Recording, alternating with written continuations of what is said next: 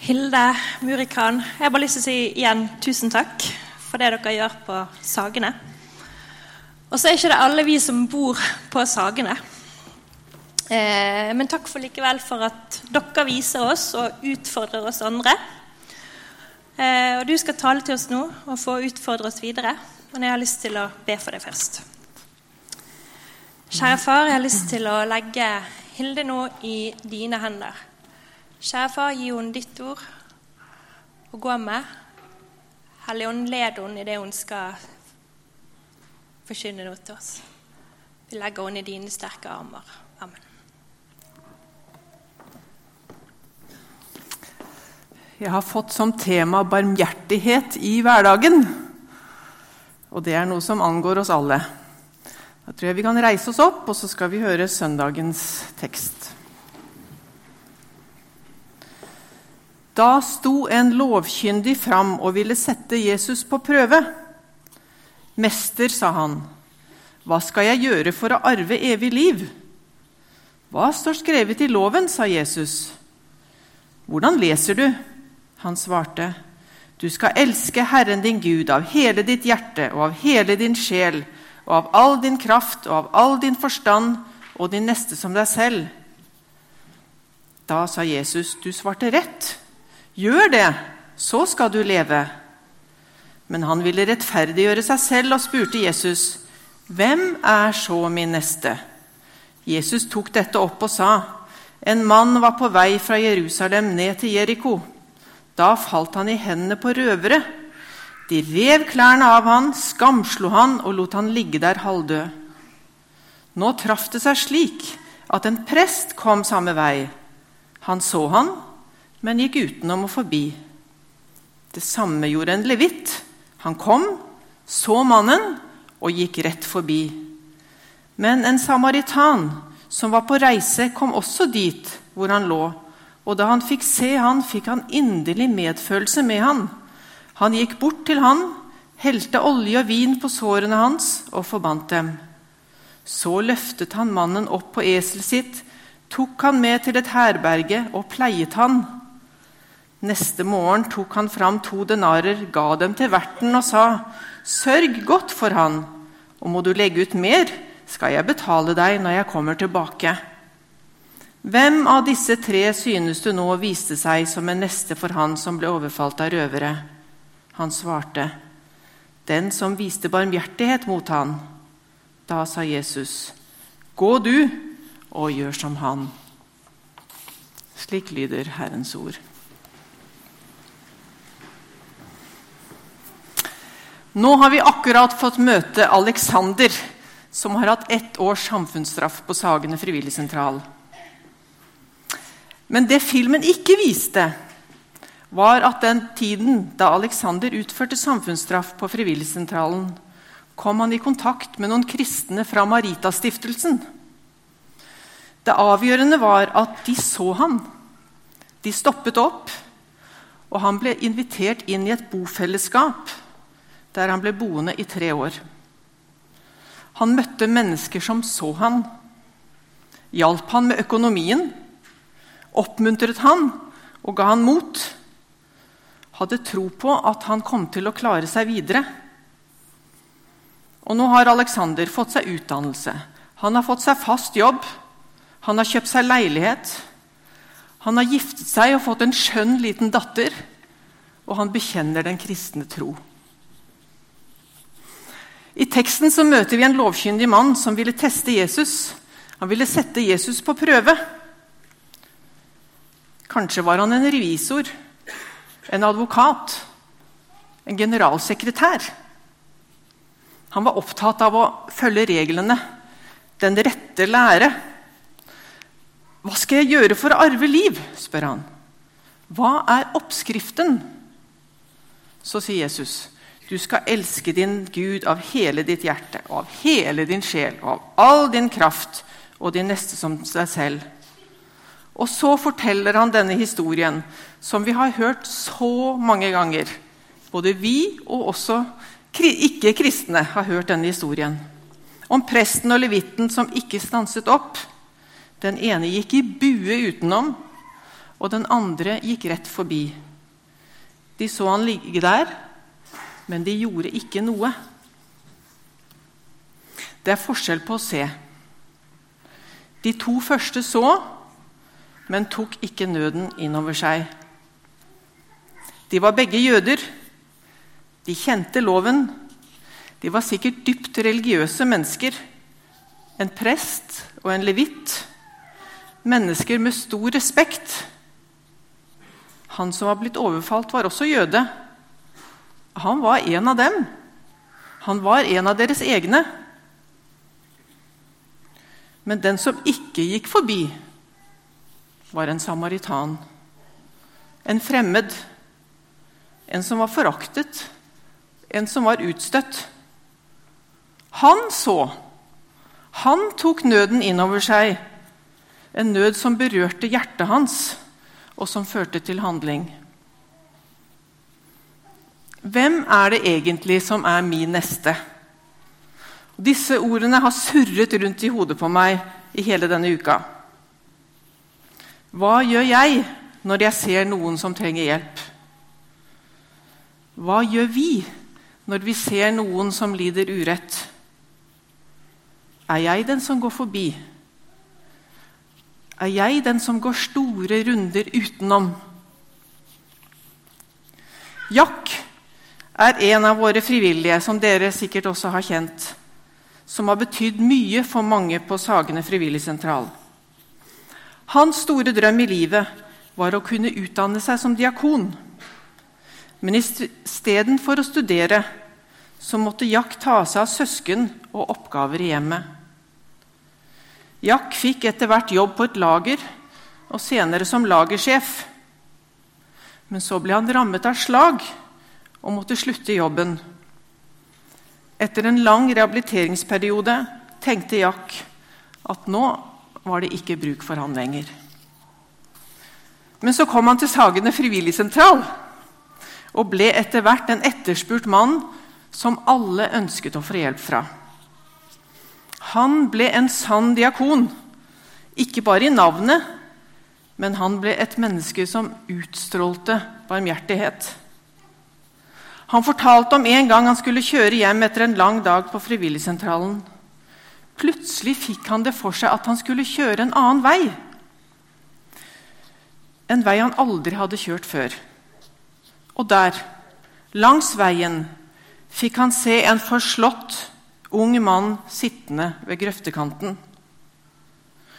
Jack ble overrasket over å se at den som satt der, var en som ofte kom til Frivilligsentralen for å få hjelp og støtte. Og Jack ble som en far for han i mange år. Og Frivilligsentralen har da blitt et hjem for Roger, som vi nå kaller han. Nå er han en av Frivilligsentralens store trofaste. Og han leder samlinger i vårt lille kapell. Og Roger han har blitt en mann som for meg det er viktig å lytte til. For det Roger sier, det har blitt viktig for meg. Frivilligsentralen lå tidligere på et gatenivå i en liten boligblokk på Bjølsen. Der kom forskjellige innom fra nærmiljøet, og en av dem var Gustav. Han kom innom kafeen hver dag. Satt ved vinduet med en kopp kaffe og fortalte om livet til sjøs. Han fortalte hver dag stolt at han var den sprekeste gutten i gata. Og ikke røkte han, og ikke drakk han heller. Men en dag måtte Gustav flytte fra boligen sin. Og han ble flyttet til niende etasje i blokka der hvor Frivilligsentralen nå har lokaler. Det har nå gått åtte år siden Gustav flyttet. Og Gustav har heller ikke beveget seg ut av sin egen leilighet på disse årene fordi han har heisskrekk og er for dårlig til bens for å gå i trapper. Ofte tenner Roger lys for Gustav i kapellet vårt, og han glemmer aldri Gustav. Stadig minner han meg om at vi må opp og besøke han. Den siste tiden har det blitt mer sjelden, men så sier Roger igjen Vi må ikke glemme Gustav. Du skjønner, jeg har følelser, jeg. Og da kommer ordene fra denne fortellingen til meg igjen. Den barmhjertige samaritan fikk inderlig medfølelse med han. Og medfølelsen drev han til handling. Og så blir jeg med Roger igjen. Og vi går trappene opp til niende etasje. For Peder er også redd for å ta heisen. For meg blir hvert trinn som en liten andakt. Og smilet til Gustav da han åpner døren på gløtt, har jeg båret med meg resten av uka. Og jeg tenker det er så lett å la alle disse mulighetene fare forbi oss, og vi går glipp av så mye. Det er så viktig å skape et rom inni oss selv der det er plass og tid for min neste. Vi trenger fysiske rom, som her i Misjonssalen og Sagene frivilligsentral.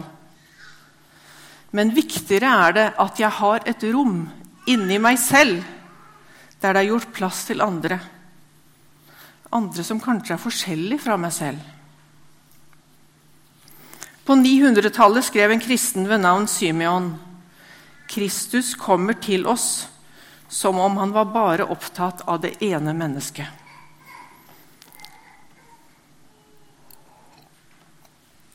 På Frivilligsentralen driver vi ikke veldedighet. Vi kommer ikke langt med å synes synd på folk. I kafeen er vi ikke opptatt med å tjene mest mulig penger, men vi er opptatt med hvordan mennesker har det.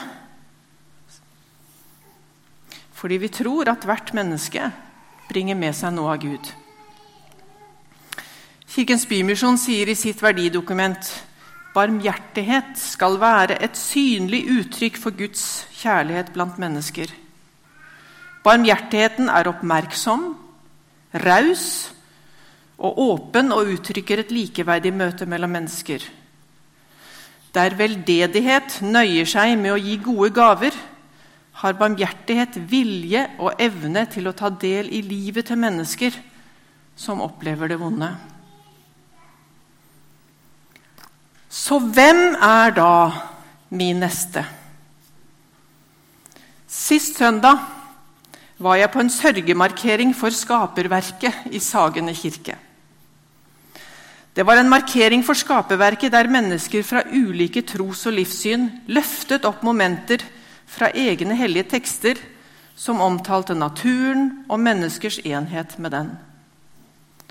Den hadde til hensikt å skape et rom der mennesker, uavhengig av tros- og livssyn, sammen kunne sørge over naturen vi stadig ødelegger, og erkjenne vår deltakelse i ødeleggelsen, for så å kunne ta det neste steget i håp. Det er noe av det rareste jeg har vært med på. Men det er også noe av det sterkeste. Og mye skurret inni meg, for dette var jeg ikke vant til. Men jeg gjorde et valg.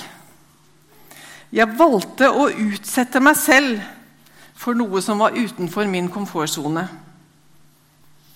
Og tenkte Er min neste å finne også her?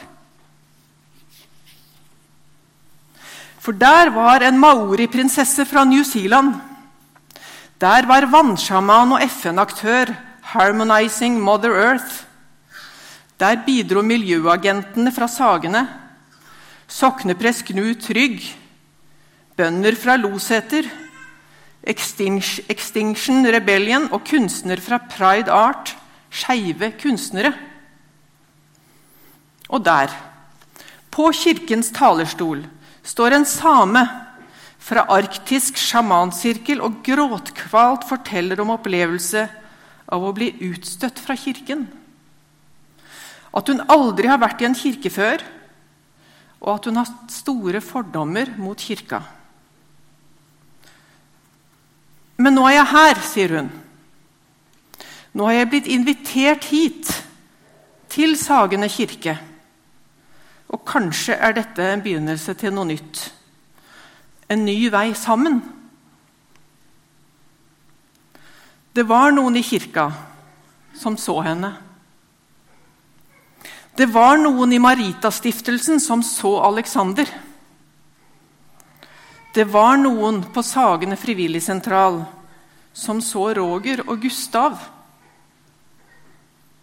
Det var en samaritan som så en som var i nød, stoppet opp og viste barmhjertighet. Og så til slutt et dikt av Sindre Eide, et dikt til meg selv og kanskje noen andre. Du føler ikke mer. Du er blitt nummen av bildene fra krigen og fra slummen. Du reiser deg fra sofaen, men kjenner en lammelse i føtter og hender. Du tenker er det noe jeg kan gjøre? Du ber en stille bønn, men lukker øret. For svaret som du visste måtte komme, det kreves mer enn hjerter som er fromme.